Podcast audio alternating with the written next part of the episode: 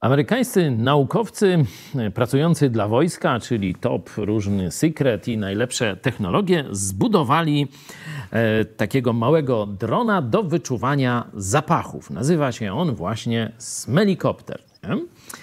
Wszystko było fajnie, tylko że no dobra, lata, buczy, gra, fajnie, ale jak zrobić te, te, te detektory węchu? No budowali, robili, oczywiście sami nie wymyślili tego, tylko patrzyli, jak to jest u, zwierząt różnych, wzięli taką ćmę jakąś i chcieli y, skopiować. No, tam coś zrobili, wyszło im rzeczywiście. No, zaczęło to nawet czuć ten zapach, ale po 10 minutach dopiero. No nijak to nie było, bo to już by dawno poleciał dalej, nie wiadomo, zanim by zawrócił, to już tego zapachu by nie było. Nie bardzo to działa. No to zrobili taką biohybrydę, czyli wzięli te czułki ćmy i wstawili do tego swojego drona, tam je podłączyli jakoś. No i teraz grabuczy i czuje.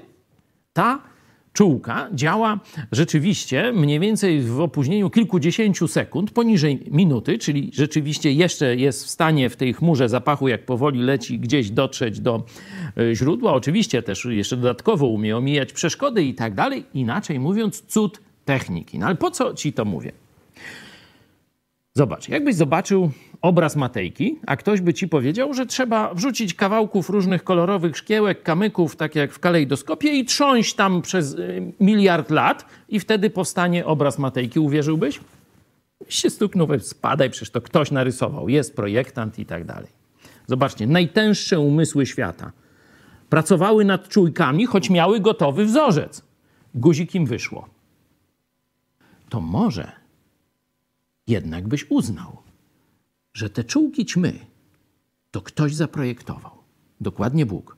W liście do Rzymian możesz sobie w pierwszym rozdziale zobaczyć, że cud stworzenia jest po to, byś rozpoznał Boga.